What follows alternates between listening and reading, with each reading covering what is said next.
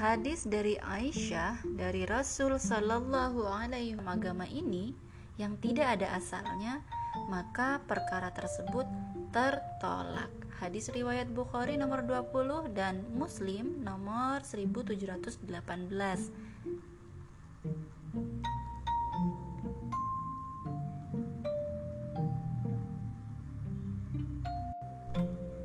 BTW, baru-baru ini di jagat sosmed viral nih video seorang pemuda yang ngebuang bahkan nendang sesajen di lereng gunung Semeru yang meletus akhir tahun lalu.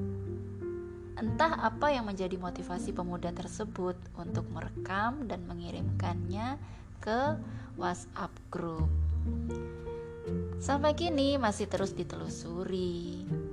Pelaku juga dijerat dengan pasal 156 KUHP tentang permusuhan, kebencian, atau penghinaan terhadap suatu atau beberapa golongan. Terus ada yang komen, ngapain sih dia kayak gitu biar dianggap jago.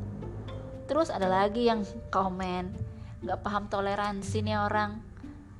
Terus bergulir kasusnya sampai muncul komen ini budaya lokal harus dilestarikan. Ini bagian dari agama loh. Astagfirullah. Angel wes angel sobat muda. Kalau dibilang bagian dari agama ini jelas tertolak. Ya sudah jelaskan penjelasannya di atas tadi ya. Kalau dibilang gak paham toleransi bisa jadi tapi dalam ibadah apalagi muslim tidak dibenarkan mendiamkan perkara musyrik. Toleransi itu sikap untuk agama lain. Bermakna membiarkan mereka dengan keyakinannya tidak diganggu. Contohnya nih, agama Hindu atau Buddha yang memang hidup dengan ritual-ritual seperti itu. Lumrah dengan perkara sajian-sajian alias sesajen maka toleransi untuk berlaku untuk mereka.